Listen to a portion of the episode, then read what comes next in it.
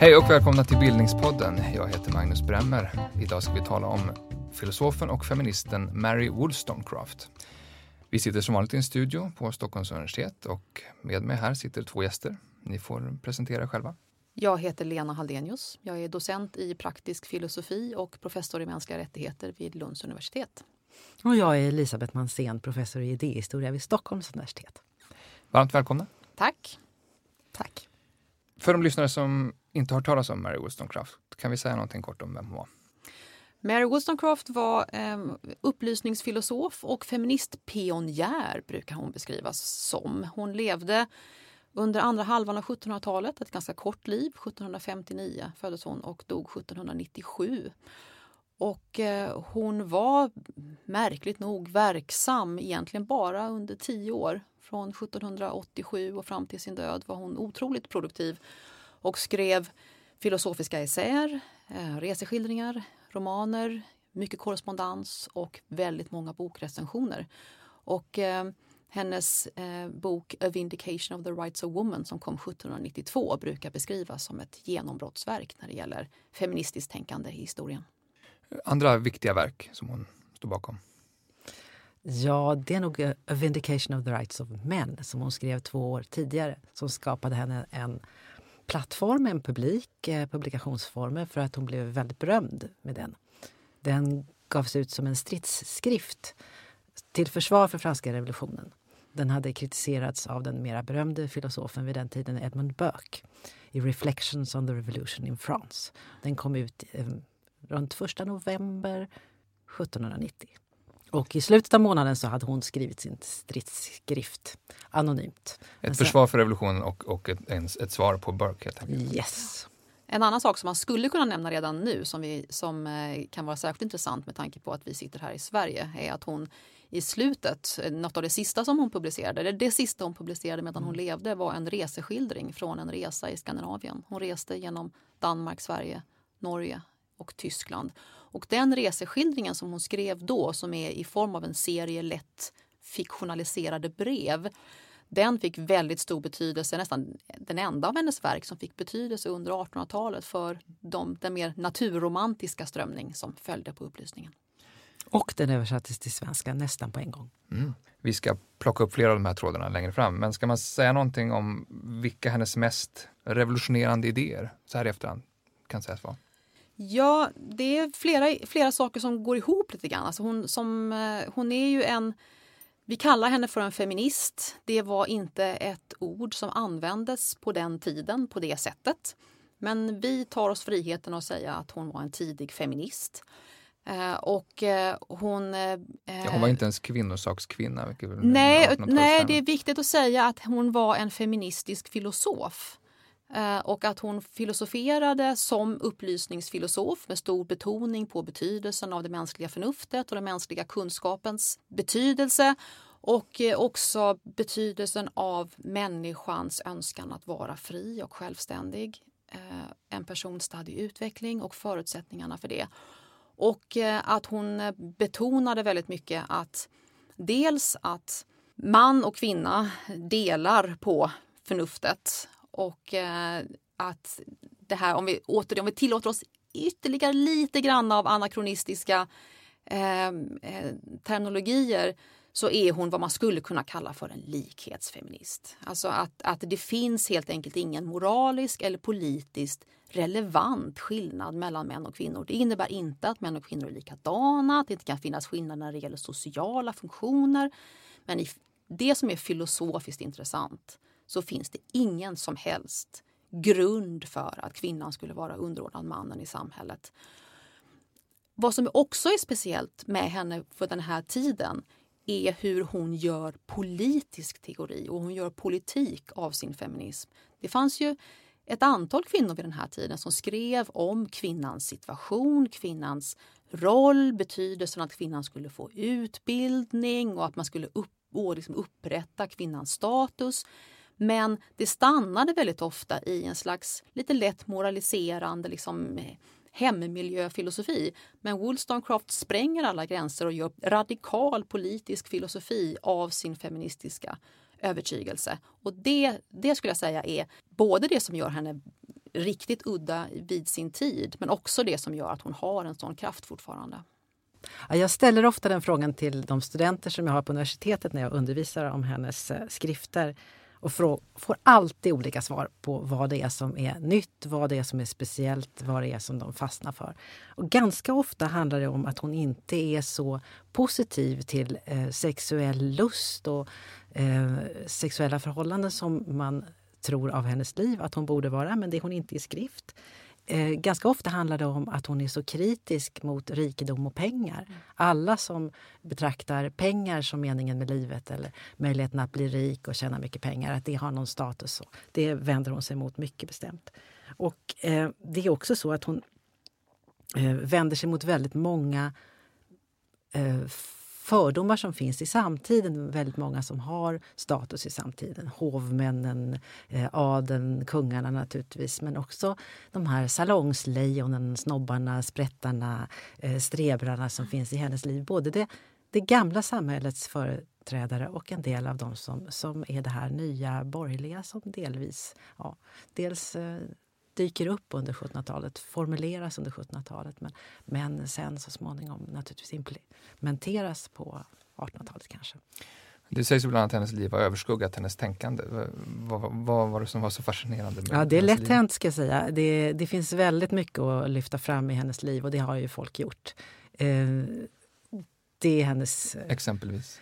Framförallt hennes kärleksliv, får man nog säga. Eh, hon hade ett eh, utomäktenskapligt barn med eh, en charmerande amerikan som hon träffade i Paris mitt under franska revolutionen och inledde ett förhållande med. Vad heter han?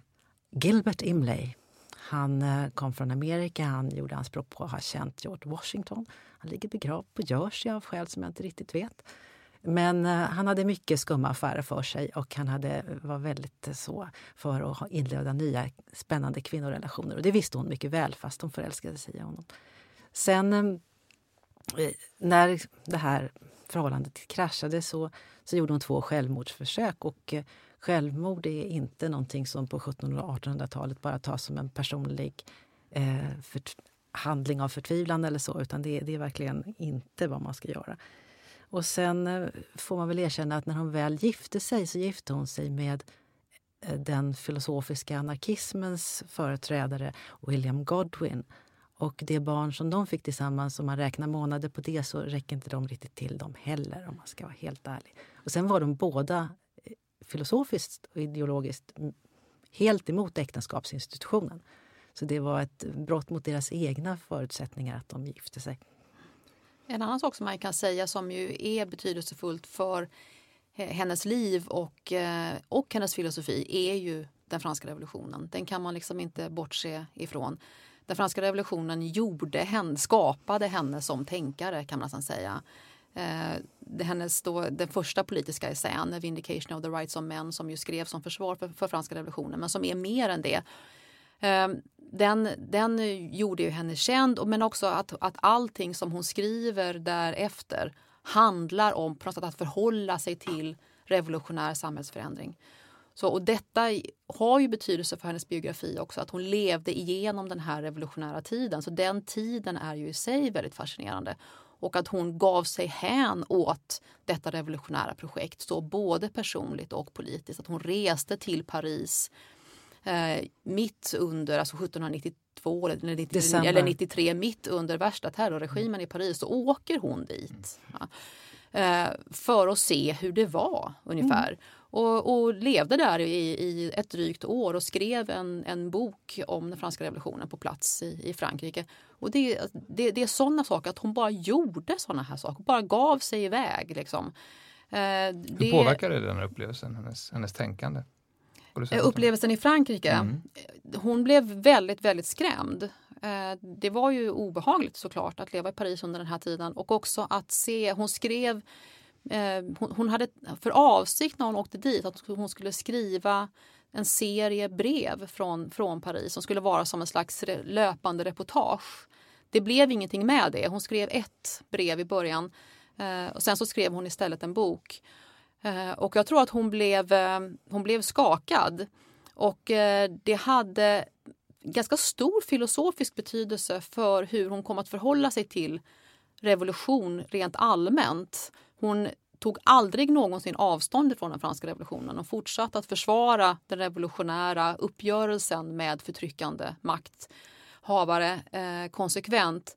Men hon, hon utvecklade en ganska sofistikerad analys över vad det är som gör att revolutioner blir våldsamma. Varför spårar revolutioner ur i blod? Och att liksom förstå de dynamiska och psykologiska förhållandena eller dynamiken runt en revolution. Både vad som gör att en revolution uppstår när folk inte längre orkar fördra mer, hur man reser sig i vrede och, och hämndbegär och hur det sen, hur, hur liksom eh, revolutionens egen destruktiva dynamik eh, hur, hur, hur farlig den kraften är. Det kommer, att bli, det kommer att få stor betydelse för hur hon förhöll sig till samhällsförändring.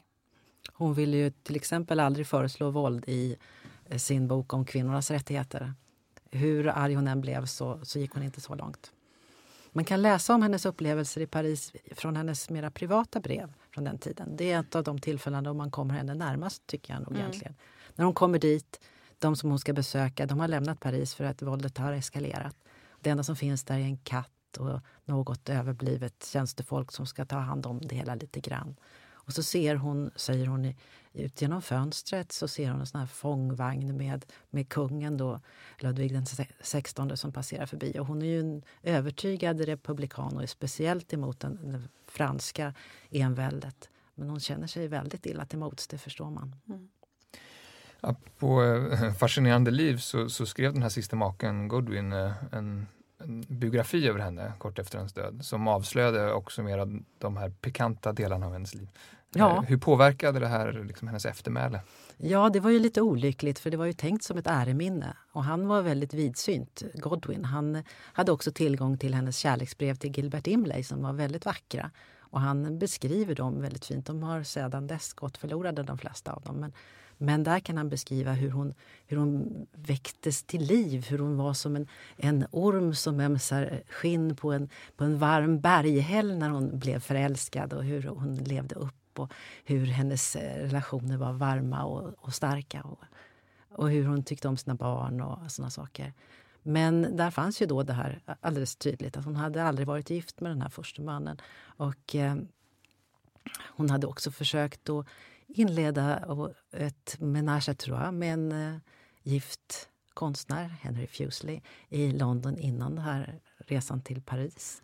Hon hade gjort en mängd saker som var väldigt okonventionella och de här självmordsförsöken. Då. Och det här såg samtiden inte? Ja, det var, det var inte... Alltså, det, det var som Lena sa, det här revolutionsskenet var ett, ett fönster. Alltså, hennes revolutionära böcker, hennes egna böcker kom ut mitt i 90-92. Och fem år tidigare eller fem år senare så hade de nog inte varit möjliga. De blev ganska väl mottagna. Det är klart att de konservativa tidningarna var kritiska, de, de radikala var positiva och hennes bok om kvinnorna översattes till tyska och franska och italienska. Hon var berömd när hon kom till, till Paris i december 92. Då. Men eh, fem år senare, då, när han skriver 98, så, så har reaktionen kom, kommit och har liksom revolutionen kommit i vanrykte och en väldigt konservativ eh, vind blåser över hela Europa egentligen. Så att det folk sa som var emot det då var ju att ja, där ser man ju hur det går för folk som har radikala idéer, särskilt då kvinnor. Mm, som tar sig ton och ja, tar ja. sig män. Ja. Uh, och då låg liksom hennes eftermäle i, eller hennes eh, ja, det ar, det här. intellektuella mm. arv låg i dvala under, hela 1800-talet? Under hela 1800-talet, under den viktorianska tiden, mm. väldigt moraliserande eh, tid, så var det ju, hon var ju skandalös. Så det, det var ju ett jätte ett stort hinder för, eh, för receptionen av henne. Att hon blev ju faktiskt inte läst. Blev hon läst och blev hon läst i smyg under den här perioden. Men man måste ju också säga, tycker jag, att, att den här jag tycker fortfarande att det har skrivit ganska många biografier över Wollstonecraft. Hennes liv är ju som sagt fascinerande och lätt också att skriva biografier om på någon med i något, något sätt eftersom den är väldigt väl dokumenterad och kort, vilket är praktiskt. Um, men Godwins biografi över henne är väldigt fin. Mm. Eh, den är, ska man läsa en enda biografi så tycker jag man ska läsa den. den är, även om om eh, han orsakade skandal så var det ju inte avsiktligt. Han, den är skriven väldigt kärleksfullt. Ja, ja. Ska vi ta det lite grann från början? Alltså, var kom Mary Wollstonecraft ifrån? Hon eh, växte upp i en familj som var ganska högborgerlig tror jag till att börja med. Men det märkte hon nog inte så mycket av för fadern söp och spekulerade bort pengarna.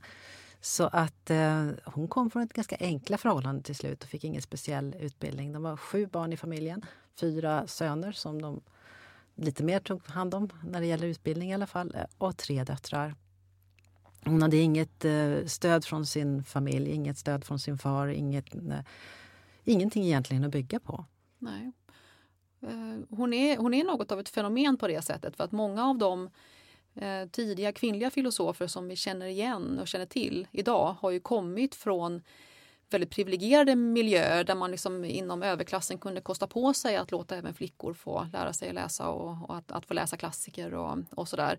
Och eh, de har ju också många gånger eh, Eh, inte, egentligen inte publicerat i traditionell mening utan har skrivit filosofi ganska mycket eh, privat och med korrespondens och, och sådär och har inte haft behov av att försörja sig. Och, så hon är ju speciell på det sättet att hon kommer ur ganska enkla förhållanden. Hon har skapat sig själv. Eh, hon blev tidigt tvungen att försörja sig själv också och provade på en del arbeten, en del av de få arbeten som fanns Nästan alla? Ja, nästan alla de som en kvinna i medelklassen kunde ägna sig åt. Det var att vara guvernant och att vara barnflicka. Och, Till och med eh, sömmerska var hon. Ja, och hon tyckte väldigt illa om detta. Inte minst tyckte hon väldigt illa om att vara liksom en inhyrd hjälp i någon annans hus. Och det, den osjälvständighet som fanns i, i dessa, som hon uppfattade som förnedrande arbeten som stod kvinnor till buds har också betydelse för hennes förhållningssätt senare filosofiskt till arbete och självständighet. Ja, kan man rent av se att hennes bana som politisk tänkare sätt börjar i den här erfarenheten? Det kan man säga. Hon var guvernant hos en adelsfamilj på Irland. Eh, där fick hon sparken. Eh, och eh, på vägen hem där, därifrån, om jag inte minns fel, Eh, så bestämde hon sig för att bli författare. Och det är ju också jättekonstigt eh, egentligen. Varför skulle hon bli det? Men hon bestämde sig för det och eh, också bestämde sig för att hon skulle försörja sig själv. Att hon skulle försörja sig själv på ett sätt som inte var förnedrande. Och då reste hon till London och där hade hon tur. Hon hade ganska mycket tur faktiskt med att träffa rätt personer och där lärde hon känna en boktryckare som hette Joseph Johnson som var Eh, boktryckare och förläggare och var en väldigt betydelsefull person i Londons radikala kretsar. Så att hon kom in i en grupp intellektuella runt Joseph Johnson eh, som ju också var bekant med, eh, med till exempel eh, filosofen och eh, revolutionären Thomas Paine och en eh, eh filosof och frikyrklig predikant som heter Richard Price Eh, och de här blev Wollstonecrafts bekanta och vänner och eh, hon blev upptagen så att säga i en krets där en kvinna kunde sitta med och prata politik runt ett bord. Och hon blev också anställd av Joseph Johnson som recensent och redaktion, redaktionssekreterare för en tidskrift som han startade som hette The Analytical Review. Och hennes arbete där blev sen hennes, hennes egentligen grundförsörjning. Eh, så att det, var, det, det möjliggjorde för henne att bli författare och att Joseph Johnson gav sen ut alla hennes böcker. Hon översatte också honom? Hon översatte lite grann. Mm. Eh, några, några saker översatte hon, bland annat från tyska och, eh, och från holländska. Hon översatte liksom från språk som hon egentligen inte kunde. Så att hon liksom såg till att lära sig tyska och skickade efter en tysk grammatik och sådär så att de skulle kunna eh, och så översatte hon några, några få verk, inte, specie, inte speciellt mycket. Det sägs också att hon tog sig ganska stora friheter när hon översatte böcker. Var de inte bra nog så skrev hon helt enkelt om dem. Det var eh, de här recensionerna som var det stora. Alltså, över 500 stycken skrev hon under den här tiden. Bland annat en om Swedenborg. Ja, just det. Ehm, mm. Som var lite kul. Och det här blev en slags högre utbildning? Eh, det blev hennes universitet, väldigt ja. mycket så. Mm. Det får man väl säga. Där fanns också, förutom de du nämnde, William Blake, han som är ja. ja både filosof och konstnär. Och han illustrerade en av hans böcker, den här Thoughts on the Education of Daughters. Just det, som också är en av de tidiga verken. Ja, kan du säga något kort om den? Ja, den är ju ett tydligt resultat av hennes tid som guvernant. det är det. Ofta har hennes böcker en sån här koppling till hennes erfarenheter, precis som Lena beskrev. Eh, men då har hon dessförinnan skrivit en roman. Hon skrev eh, den här, eh, hon skrev i, det första hon skrev var eh, böcker som handlade om barn och uppfostran och utbildning. Det var, det var acceptabla genrer för en kvinna att skriva i. Att skriva romaner var också en acceptabel genre. Så det, det första hon skrev var böcker som handlade om barn och utbildning och så en roman som heter Mary, a fiction. Eh, som är lite, inte självbiografisk, men självreflekterande. Eh, och eh, en ganska liksom, småskalig, liten roman som handlar om, om, om eh, relationer men som handlar om eh, en uppväxande ung kvinnas förhållningssätt till sig själv och de begränsningar som finns i en kvinnas liv. Man kan alltså säga att det personliga blev politiskt för henne? Definitivt. Och filosofiskt. Så en, en feminist är en väldigt modern verksamhet? Ja, ja, ja, det får man säga. Mm. 1790 så publicerar hon då A Vindication of the Rights of Men. Ja. Uh, ska vi säga någonting mer om, om det som, den som bok? Ja, gärna. Den, den är, det var ju alltså så, så att, att eh, revolutionen hade precis hänt och eh, den store säga, konservativa filosofen och statsmannen Edmund Burke skrev en kritik av den franska revolutionen, Reflections on the Revolution in France, som är en kritik av revolutionen men lika mycket är ett försvar av monarkin och av adens privilegier och av det nödvändiga i att vanligt folk accepterar de begränsningar som samhället sätter upp för dem och en slags, eh, ja, ganska klassisk konservativ organisk syn på samhället.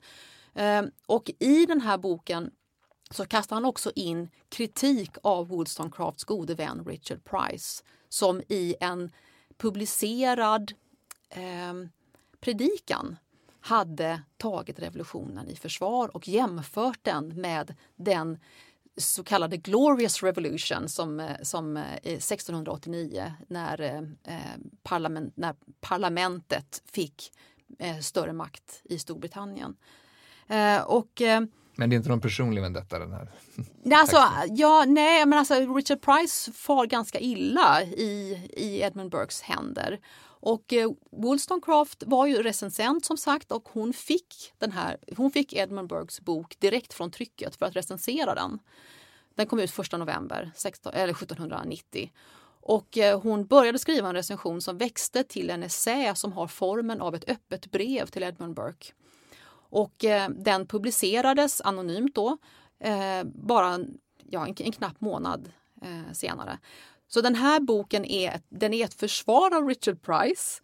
Den är också ett försvar av den franska revolutionen, men inte minst så är det en attack på Burkes försvar för adelsprivilegier och för eh, ojämlikheten och betydelsen av ägande. Så det är, den, den har även om man inte är intresserad av franska revolutionen så är den här en, en lång essä, får man väl säga att det är, eh, har en väldigt stor betydelse som just kritik av samhällshierarkier i största allmänhet. Och det är ytterligare en sak som verkligen präglar hennes sätt att förhålla sig till samhället, politiken och moralen. Är, är det orättfärdiga i dessa etablerade traditionella hierarkier både politiskt, könsmässigt och eh, inte minst ekonomiskt. De rikas privilegier. Inte bara för att det är orättvist i sig och för att det skapar så olika livsmöjligheter utan för vad det gör med människors medvetande. Och hur förnedrande det är att vara fattig när andra är rika. Att behöva underordna sig det här rikedomens spektakel. Eh, och eh, hur det påverkar människors sätt att tänka om sig själva och om varandra. Hur man blir förtryckt i huvudet genom att bli tillvand att leva i ett samhälle där man förväntas respektera och buga inför de rikas överdåd.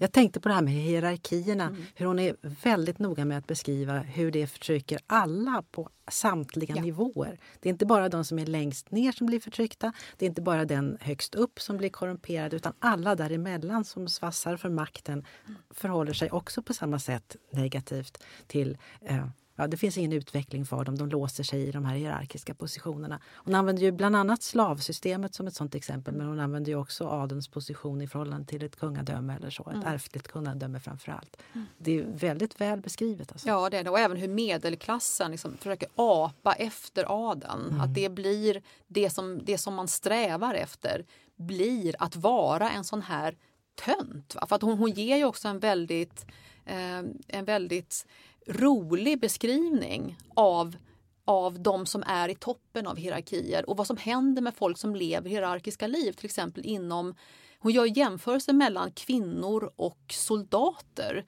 Kvinnor uppmuntras ju till att bli fjantiga därför att det är det som, det är det som premieras. Om ditt enda sätt att komma vidare här i livet är att bli gift på på liksom den här äktenskapsmarknaden, då måste du ju göra dig till ett, ett till säljbart gods. Va?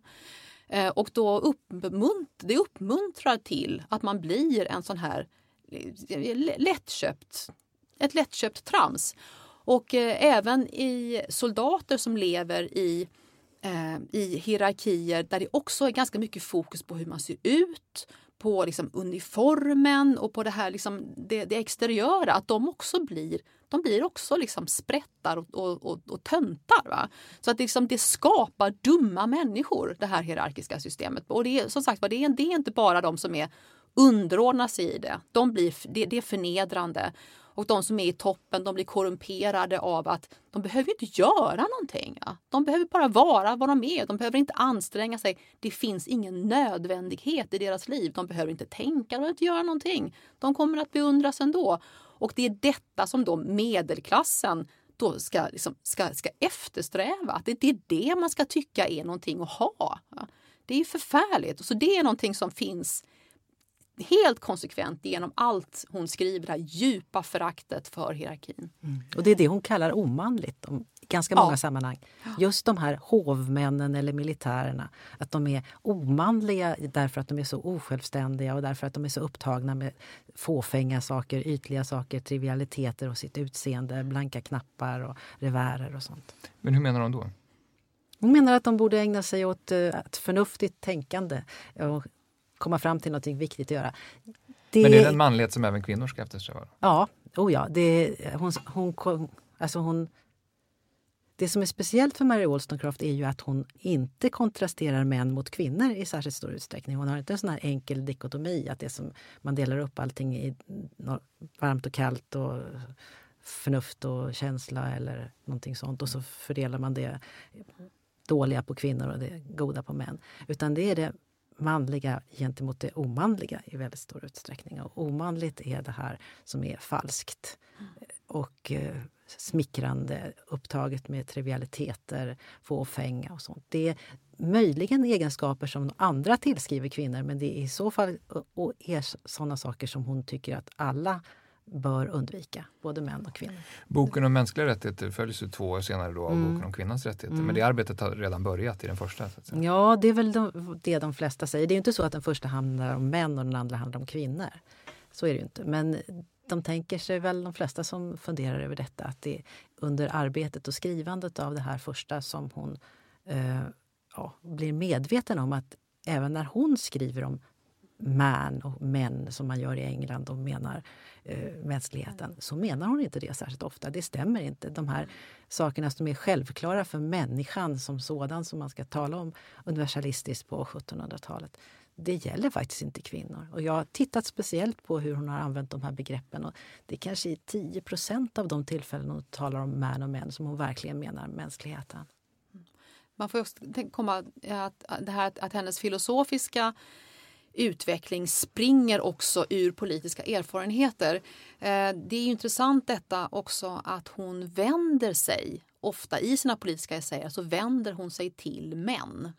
Hon tänkte sig nog en huvudsakligen egentligen en manlig läsekrets. Det här har ju blivit lite grann av ett receptionsproblem också för feminister även idag har ibland svårt för Wollstonecraft därför att hon verkar inte tala till systrarna. Hon, hon, hon är liksom inte tillräckligt mycket en del av systerskapet.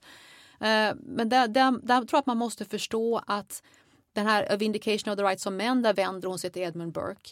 A Vindication of the Rights of Women, två år senare. En sak som har hänt däremellan är att hon har blivit djupt besviken på den franska revolutionen. Och den här förhoppningen som fanns om att det här verkligen skulle bli en republik baserad på jämlikhet. Att även kvinnorna skulle få medborgerliga eh, rättigheter i den franska republiken. Det blev ju intet av det. Ja. Inte ens revolutionärerna som hade haft sån god Alltså, alltså, inte ens de manliga revolutionärerna som hade haft sån god hjälp av sina kvinnliga vapendragare under revolutionen. De ville inte heller att kvinnorna skulle ha några rättigheter i den nya republiken. Och det här var ett fruktansvärt svek. Och eh, så A Vindication of the Rights of Women är skriven delvis på eh, på ruinerna av de förhoppningar som hon knöt till revolutionen när det gällde kvinnans politiska och medborgerliga rättigheter. Och det är då viktigt att komma ihåg att den här boken om kvinnans rättigheter, den har ett förord som är direkt vänt, där hon direkt vänder sig till Talleyrand som var en fransk eh, statsman och eh, eh, minister i den revolutionära regeringen och som inte minst arbetade, som var utbildningsminister tror jag. Och som hon hade träffat. Han besökte henne, det här säger någonting om hur känd hon var. Han besökte henne i London och hon dedicerar den här boken till honom för att säga vad håller ni på med? Va? Vilket svek som ni har, som ni har liksom orsakat alla oss kvinnor. Och det, så att det är de här, den, den djup besvikelse som liksom känns hela boken igenom. Så man kan kalla den både för en upplysningstänkare och en upplysningskritiker i den bemärkelsen? Definitivt. Ja. Men det är ju väldigt tydligt att den universella det universella syfte som de säger sig ha, det har de inte alls tänkt på i meningen förhållande till kvinnor, slavar, folk från andra länder eller någonting sånt där. Och Mary Wollstonecraft är väldigt tydlig med att hon ser det. Mm. Hur, hur togs hennes tankar om kvinnans rättigheter emot tiden? Bra. Jämförelsevis ja. bra. Alltså Men förutsägbart också, i och för sig. Väldigt så blandat också får man säga. Ja, att, ja, blandat på ett väldigt förutsägbart sätt skulle ja. jag vilja säga. De konservativa tidningarna de recenserade negativt och kritiskt och de mer radikala som till exempel The Analytical Review då, de, de tog det positivt. Mm. Men översättningarna till många språk som kom samtidigt är mm. ju det är ja, det, hon fick ju genomslag och hon blev ju läst. Ja, alltså, Vindication of the Rights of Men gavs ju ut anonymt först. Eh, men, och den sålde bra. Och eh, så att i andra upplagan så är hennes namn på. Och det väckte ju förvåning i vissa, i vissa kretsar. Då, var, då hade den ju redan recenserats som anonym och då recenserats som om den var skriven av en man. För det utgick man ifrån att den var. Så det väckte ju stor förvåning eh, då. Och det var väl kanske på ett sätt bra och smart att först ge ut den anonymt. För då blev hon ju först läst utan att läsningen filtrerades genom det här uppseendeväckande faktumet att en kvinna skrev politisk teori. Och sen blev hon ännu mer berömd. Sen blev hon ännu mer berömd och Vindication of the Rights of Woman eh, blev ju också eh, väldigt, väldigt, väldigt mycket läst. Och det, det är ju så att det, var det, det, fanns, eh, det är en märklig tid det här, alltså tidiga 1790-talet. Alltså att, att, det, att, att, att det gick. Jag menar, vi har ju, vi kan jämföra med en bit in på 1800-talet när vi har en, eh, samarbetet mellan Ehm, den liberala och får man nästan säga feministiska engelska filosofen John Stuart Mill som ju eh, läses väldigt mycket fortfarande, som samarbetade med en kvinna som heter Harriet Taylor som han sedermera gifte sig med. Och de skrev ju böcker ihop men det var ju fullständigt uteslutet att hon skulle erkännas som författare. Det var alldeles för skandalöst. Eh, så att det gick ju tillbaka. Så det var ju mycket, mycket svårare vid den tiden, 1860-talet, för en kvinnlig intellektuell att bli, att bli läst och tagen på allvar jämfört med det här helt unika 1790-talet. Så på det sättet så hade hon återigen tur. Hon föddes vid rätt ögonblick. Och hon skrev de här två böckerna rasande snabbt, eller hur? Ja, förbluffande snabbt. Ja. Hon, hon, hon, hon skrev och eh, redigerade inte speciellt mycket. Och det, det kanske var hennes, hennes sätt att arbeta men man får också tänka på att hon, hon, hon var ju beroende för sin försörjning av de här sakerna. Så att hon hade liksom inte tid att hålla på och tjafsa utan det skulle ju ut exakt så det kunde bli sålt. Exakt hur snabbt skrevs den? Uh, Vindication of the Rights of Men. Om man då tänker sig att Burkes kom ut den 1 november så kom hennes ut den 29 november. Och den är ungefär hur omfattande? Den är väl kanske 150 100, Nej, inte riktigt. Inte riktigt, inte riktigt. Den är lite kortare än 100 sidor. Och Vindication of the Rights of Woman är väl kanske 250 sidor så som vi trycker om nu. så att mm. säga. Och Det tog väl kanske tre månader då. Så att hon lämnade ifrån sig arken för tryckning kontinuerligt. Så, här. så att en del säger att hon upprepar sig lite grann och det är ju inte så märkligt i så fall. Uh, Lena, du kallade henne för en likhetsfeminist tidigare här, men fanns det på några punkter hon såg eh, olikheter eller skillnader mellan män och kvinnor? Ja, eh, men hon är också noga med att säga att de moraliskt och politiskt relevanta omständigheterna eller, eller karaktärsdragen, om man ska säga. Där finns det liksom inga intressanta skillnader egentligen eh, att göra. Sen, eh, sen så är hon ju också, det är också en sak som hon har fått liksom skit för sen därför att hon inte är tillräckligt feministisk för vår tid. Och vi förväntar oss gärna att, att feministiska pionjärer ska liksom passa oss och vår tid och det gör hon inte riktigt. Eh, hon tänker sig ju ändå att, att de, för de, de, de allra flesta kvinnor kommer att vara husmödrar och ta hand om, män, om man och barn. Eh, och det är väl egentligen bara en reflektion över vad som var sannolikt. Eh, Eller också det är det som hon bli. säger. För att alla såna här skrifter som är kontroversiella, de är ju också taktiska till viss ja, del.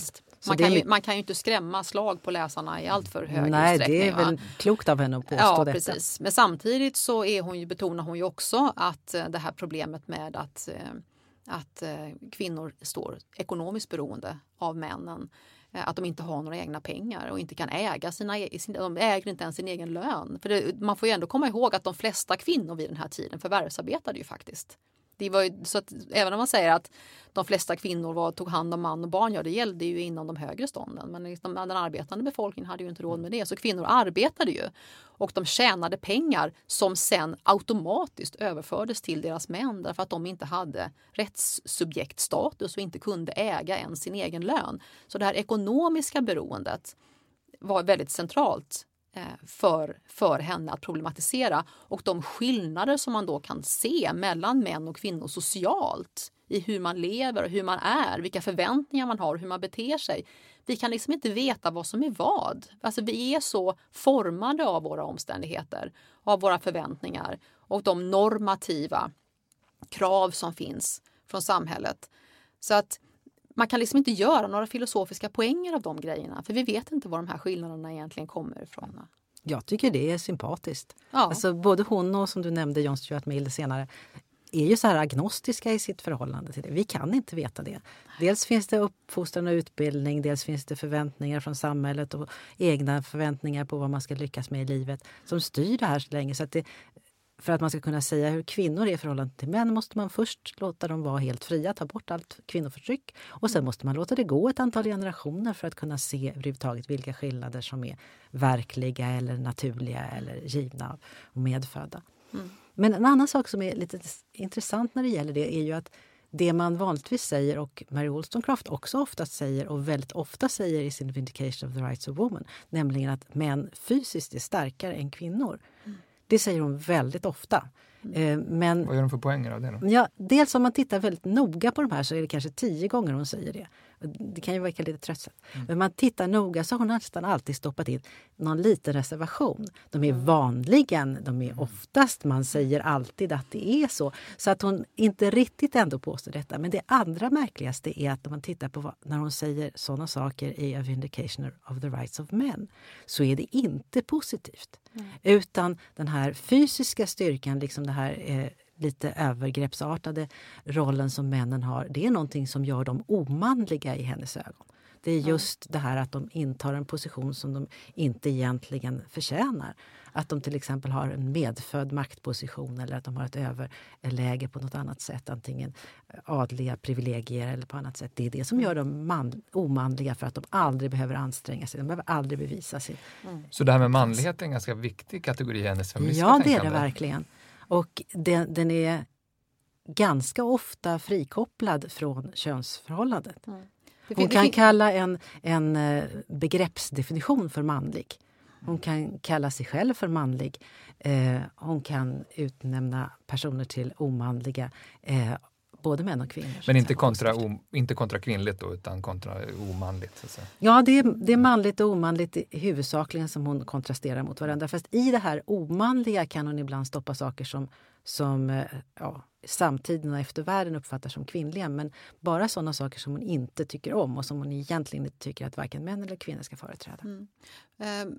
Man kan säga, och koppla detta också till det faktum att hon är republikan. Mm. Det i den republikanska tanketradition som går ända tillbaka till den romerska republiken som hon, som hon befinner sig inom. Där finns det här manligheten och maskuliniteten traditionellt som ett sätt att prata om dygd.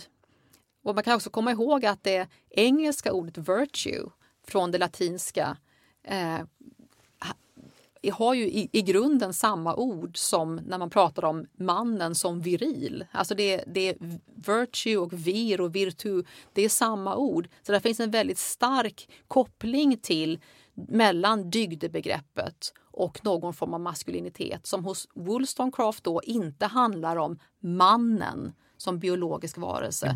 utan som, ja, ja, som, som ett sätt att vara, som ett sätt att tala om den dygdiga mm. personen. Det har vi svårt att ta till oss idag, men man måste förstå vad det betydde för henne. Ja, det är väldigt viktigt faktiskt. Mm.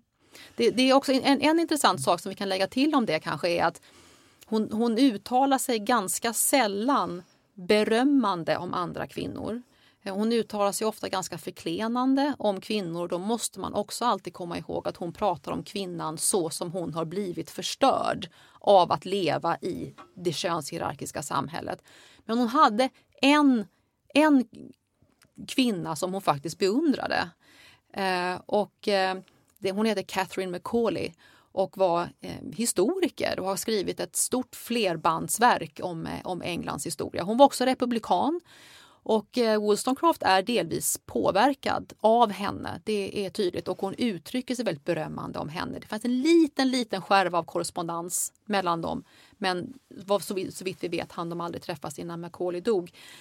I om Macaulay pratar hon också på, om henne som manly i sitt sätt att vara. Men det är, där är enda gången som jag har noterat där hon faktiskt samtidigt tar tillbaka det här lite grann och säger att jag, skulle ju, jag, jag, jag hemfaller ju egentligen inte åt sådana här kategorier att prata om maskulint och feminint men om jag skulle göra det så skulle jag kalla hennes intellekt för maskulint. Så där kan man ju säga att hon på något sätt förstår eller, eller leker med detta att det manliga, det maskulina också kan kan liksom läggas på en kvinna men samtidigt är det konstigt att göra det förstår hon också va? och så får man ta tillbaka det lite grann. Det, det, det, är ett ställe där hon liksom, man märker mm. hur hon tydligt skojar med de här kategorierna. Det är nästan lite queer. Det är nästan lite queer, ja. Mm. Men hon är ju väldigt noga med det att hon egentligen aldrig sätter upp ideal, varken ja. för män eller kvinnor. Mm. Och det tycker jag är ett väldigt sympatiskt drag hos henne. Hon vill inte att det ska...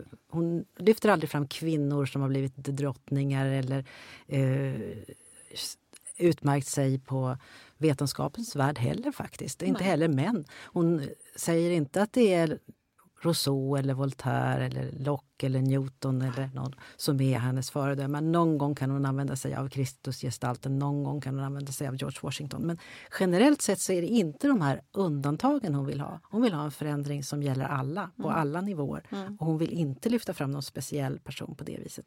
Hon vill inte heller, eh, trots att hon är så mycket av en individualist så är det väldigt viktigt för henne med det sociala. Hon ser verkligen människan som ett socialt djur från början. Och det är viktigt att man ingår i sammanhang. Det är hela tiden så att man påverkar varandra i sitt sätt att vara och det är därför det måste finnas ett jämlikt och öppet förhållande i allt från det stora samhällslivet till de enkla vänskapsrelationerna eller för att man ska kunna byta tankar på ett sympatiskt mm. sätt. Och det är därför jämlikheten också, ett, ett skäl till att jämlikheten är så viktig.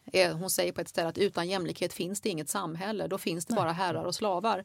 Mm. Så, och, och det är just, det, så det är just för samhällets skull och för människans möjligheter att utvecklas intellektuellt och moraliskt och emotionellt som person så är jämlikheten nödvändig och den är, den är ovillkorlig den principen och den är också eh, generell. Alltså det är, är jämlikhet på alla punkter inom familjen, in, när det gäller eh, värderingar och förväntningar, när det gäller pengar, när det gäller politiska möjligheter generellt. Och det är Så, friheten också som är viktig. Ja, alltså därför att det hon har emot tidens kvinnouppfattning väldigt mycket är ju att den är så ensidig och så smal. Kvinnor ska bara vara på ett sätt, män får vara på tusen olika sätt. Hon har ganska fina beskrivningar av ja. att de inte behöver nödvändigtvis vara så manliga i vår mening av starka, mäktiga, självklara i sin, sin position eller så, utan de kan vara ganska mesiga och, osäkra och så. Det går alldeles utmärkt att bara de är män. Men kvinnor måste alltid vara så här mjuka, fogliga, vänliga och rara. Det är det som hon tycker är så oerhört irriterande. Lena, du har forskat om, om hennes ekonomiska teorier också, mm. om värdet av eh, kvinnligt ägandeskap och självförsörjande. Mm. Kan du mm. säga någonting om det? För Wollstonecraft så är det ekonomiska oberoendet extremt viktigt. Det är verkligen en helt central del av, eh, av inte minst kvinnans frihet. Hon till och med definierar kvinnans frihet i termer av ekonomiskt oberoende av, av, av män i Vindication of the Rights of Women på ett par ställen. Så det är, helt, det är helt centralt. Men vad menar hon då med ekonomiskt oberoende? Ja, till skillnad från nästan alla andra republikaner vid den här tiden så tänker hon sig faktiskt att det ekonomiska oberoendet kan komma genom lönarbete.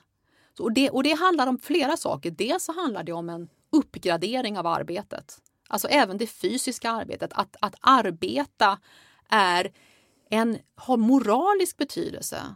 Vi, pratade, vi, vi, vi, kan prata om den här, den här lata, slöa överklassen som inte behöver göra någonting, som bara kan gå och dega hela dagarna. Men den arbetande personen gör nytta, anstränger sig, behöver tänka, behöver ta ansvar. Det är bra för din intellektuella utveckling att arbeta. Du gör också nytta i samhället.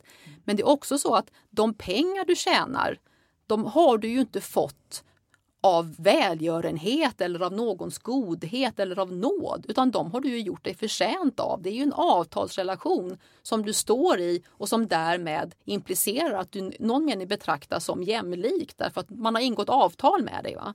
Så att, att, att man kan frigöra sig genom lönearbete det, är, det får man säga är, är väldigt radikalt.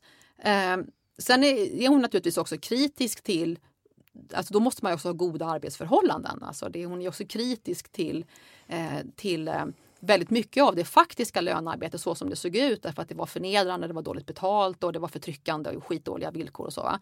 Så man ska ju ha bra arbetsvillkor. Men lönearbetet som princip, som idé, är ett sätt att befria sig från det personliga beroendet av någon annans goda vilja. Och det var ju också, det är också helt centralt för det innebär ju att ja, då kan ju alla bli fria. Men om, om, om medborgarskapet är knutet till att man tillhör den privilegierade klass som kan leva på avkastningen av sin egendom, ja då är det ju då är det ju kört. Då är det ju väldigt få som kan vara medborgare. Men om du kan bli fri genom, genom ett gott lönearbete, ja, om det är ett sätt att vara ekonomiskt oberoende på, ja då är det ju gränslöst. Då kan ju alla vara medborgare. Så att det, och det är jätte, jätteviktigt för hennes feminism också detta att kvinnor frigör sig själva genom att de har egna pengar. Hon var själv ekonomiskt oberoende genom sitt författarskap? Eller? Eller ja, ekono ekonomiskt oberoende i sin mening på ett ja. sätt. Så att, att, att hon, var ju, hon, hon försörjde sig själv genom mm. eget arbete och det var hon väldigt stolt över föregriper hon rent av Marx eh, tankar om, om eh, ja, kapitalismens ja, nivellerande alltså effekter? Vet, ja, sätt? alltså vet du vad, det är ju, det är ju alltid eh, svårt att, att, prata om det här att någon som är Marx innan Marx och allting sånt. Och det, det var, men men det, är, det finns ju en det finns ju saker att säga om detta med uppgraderingen av, av arbetet och också att de faktiskt pratar om klass. Att de faktiskt använder det begreppet. Eh, och att hon inte eh, går på den här republikanska myten om samhället som en enhet och folket som en enhet. Folket som en enhet med ett gemensamt allmänt intresse var hon ju väldigt misstänksam mot och såg även i det eh, ett slags ja, en, en, en falsk universalism som bara döljer det faktum att det här det här är, det, det, är klasser som står mot varandra. Hon, det säger hon faktiskt explicit, att klasser står emot varandra. Och politiken kan inte handla om att vi ska bortse ifrån klassmotsättningar och tro på något sätt att vi alla har samma intressen. För det har vi inte. Så att på det sättet så är hon ju en eh, man kan liksom gå via hennes filosofi in i ett klassbaserat eh, eh sätt att, att, att analysera eh, samhället på, absolut. Det sista verket som publiceras under hennes egen livstid är de här reseskildringarna från Sverige, Norge och Danmark. Varför reser hon dit eh, överhuvudtaget? Ja, det var ju länge ett stort mysterium. Varför ger sig en ung kvinna med ett uh, litet, litet barn och en fransk barnsköterska iväg till Skandinavien sommaren 1795? Och det hänger då ihop med hennes förhållande till den här Gilbert Imlay, hennes forna älskare, amerikanen som hade en mängd skumma affärer för sig. Liksom många hade. Det var svårt med transporterna under franska revolutionen och så. Så att eh, han hade intresserat sig speciellt för en silverlast som gick, skulle gå till Norge eller försvann i Norge. Eller hur det nu var med det, var de här silvergrejerna försvann. Men det tog till någon gång på 1970-80-talet innan man förstod vad det var. Det var en eh, forskare från Göteborg, Per Nyström som både på svenska och engelska publicerade sina efterforskningar om hur hon hade rest till Köpenhamn där styret fanns och sen via Göteborg upp till Norge för att spåra denna silverlast. Hon lyckades aldrig dock. Det, det, var ett slags desperat försök att rädda relationen med den här det skurken? Var det, det var det. Hon mm. gjorde ett eh, självmordsförsök före och ett efter. Vad var hennes upplevelser av Sverige kanske framförallt? Ja, Sverige var hon lite ambivalent till får man väl säga. Eh, Danmark var hon väldigt kritisk mot och Norge tyckte hon väldigt mycket om får man nog säga. Mm. Men hon var generellt sett förtjust över den nordiska sommarnatten. Över eh, ljuset och fågelkvittret, över smultronen och jordgubbar med grädde och sånt.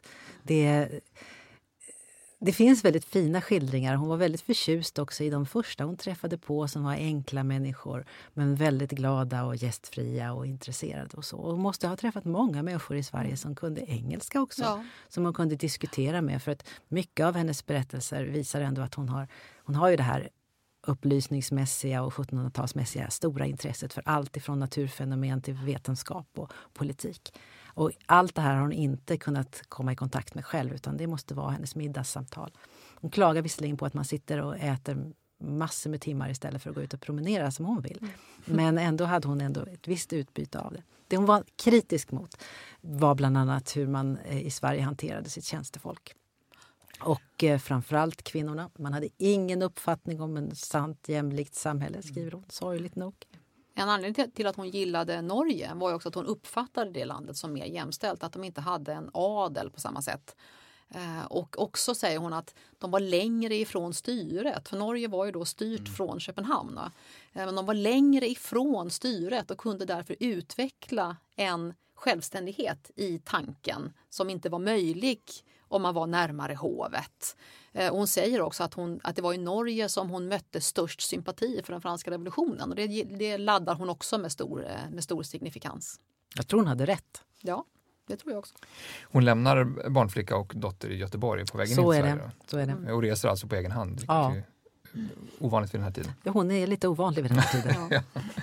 Ehm, hon lever ett dramatiskt liv. Hon dör också ganska dramatiskt kort efter den här resan. Ja, det, det, det gör hon. hon eh, som sagt var, hon, eh, när hon kom hem från eh, Skandinavien så inledde hon en relation med eh, den anarkistiska filosofen William Godwin. Eh, och det verkar ha varit en mycket intressant och mycket lycklig relation.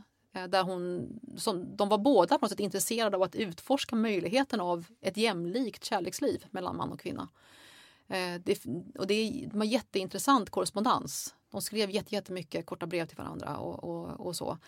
Eh, och, eh, eh så de, de levde i någon mening ihop samtidigt som de behöll var sitt, sitt eget hushåll, så att säga.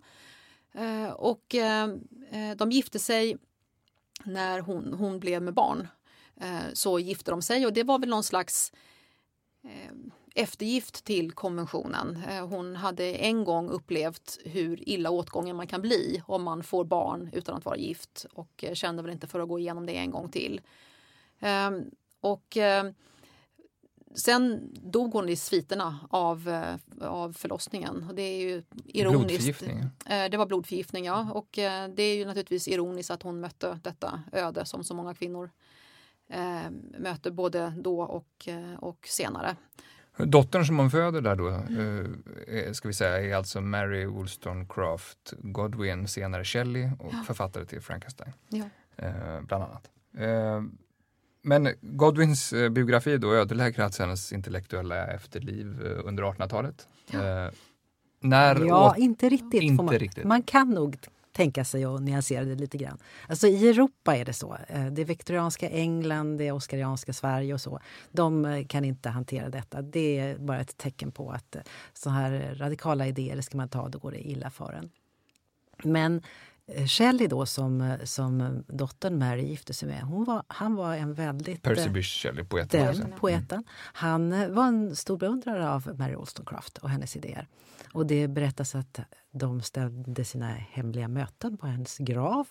För att Shelley var naturligtvis också då redan gift förstås. Eh, det slutar inte med skandalerna bara för att Mary Wollstonecraft är död. Men hans idéer fördes över till eh, Robert Owen som var en tidig utopisk socialist, får man väl kalla honom. Det finns också en kontinuitet över Atlanten till de tidiga amerikanska feministerna, Elizabeth Cady Stanton och en del kväkare som hörde dit. De läste Mary Wollstonecraft. I USA var de inte alls lika eh, skandaliserade och avståndstagande utan där kunde hon fortfarande lyftas fram som, som en pionjär och som en viktig författare. Och i slutet av 1800-talet så kom det en avhandling om henne. Men annars är det enstaka personer. I, i eh, England då? Mm. Eh, som, eh, annars är det enstaka personer som hittar fram till henne. Mm. Emma Goldman, anarkisten, Virginia, Virginia Woolf. Ja. Mm. Den har jag faktiskt översatt. Virginia mm. Woolf skrev en, en, en eh, liten fin essä om Mary Wollstonecraft faktiskt. Men så det är kring sekelskiftet 1900 som hon på något sätt återupprättas på bred front? Nej, det är, det är inte. Egentligen. Det är 1970-talet då när den, alltså den nya kvinnorörelsen letar efter sina historiska rötter. Då, då dyker men, upp. Men även då har hon ju hela tiden varit... Alltså det har, feminismen har alltid varit ambivalent till Wollstonecraft. Eh, och en del Varför då? Ja, eh, eh, hon hade, jag tror också att hon hade oturen att tidigt bli klassificerad som liberal. och och i, Före sin den, tid dock. För, ja, ja, ja, precis. Det, det, är mm. inte en beteckning som hon själv hade begripit. men hon, hon blev klassificerad som lite liberalt konservativ. Otillräckligt radikal, otillräckligt feministisk, otillräckligt omfamnande av någon slags kollektiv kollektiv kvinnokamp. För det är någonting som vi också måste förstå att i det här sena 1700-talet det, det, är liksom inte en, även om det är en revolutionär tid så är det ju inte en folkrörelsetid. Alltså den här idén om en kvinnorörelse, att kvinnor skulle kunna gå ihop. Alltså det, det finns liksom inte hos Wollstonecraft. Eh, så att hon vi... passar liksom inte riktigt in. Så att det, och, och, och, allt det här som hon pratar Och så är hon ju religiös och det ska man ju inte vara. Och hon pratar om dygd och hon pratar om hem och alltså det finns flera sådana saker hos henne som man liksom lätt kan, som ligger på ytan som man lätt kan se och som kan hindra en från att gå på djupet in och se det radikala i hennes filosofi. Och det är många som har stannat där och då har hon liksom kommit att framstå som ja, som, som otillräckligt spännande. Vilket är, Fast är, flera hundra år efter hennes egen tid. Ja, precis. Mm. Så, så, att det, så att hon har ju på det sättet aldrig riktigt omfamnats av feminismen idag. Finns det idéer hos henne som eh, fortfarande skulle kunna formulera sitt debattinlägg i en dagstidning idag? Absolut. Definitivt. Absolut. In, alltså inte minst den här väldigt starka kritiken av samhällshierarkier. Eh, jag menar, idag när vi ser hur de ekonomiska ojämlikheterna i världen bara växer och växer så den typen av radikal egalitarism som hon representerar, det skulle vi verkligen behöva. Om man eh, inte har läst någonting om Mary Wollstonecraft, vad ska man börja med? Jag tycker man ska börja med resebreven från resan i Skandinavien sommaren 1795. Och eh, det kan man mycket väl göra. Och jag tycker också att man ska läsa A Vindication of the Rights of Men. Eh, inte bara för att den är ett spännande tidsdokument från 1790 utan också för att det, det, det är där som hon eh, verkligen tar i när det gäller kritiken av samhällets hierarkier. Fast, fast, fast, fast, fast. Man måste ju förstås läsa hennes huvudverk också. A Vindication of the Rights of Woman. Som Så dessutom bra. finns på svenska. hon är rolig också. Ja. Vi skulle kunna prata en timme till, men jag måste tacka Lena mm. Haldenius och Elisabeth Mansén för att ni ville vara med. Tack så du ha.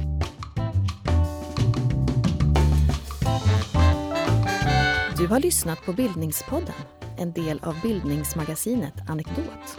Podden spelas in på Språkstudion och ljudproducent är Kristin Eriksdotter Nordgren. Fler poddar, filmer och essäer hittar du på anekdot.se.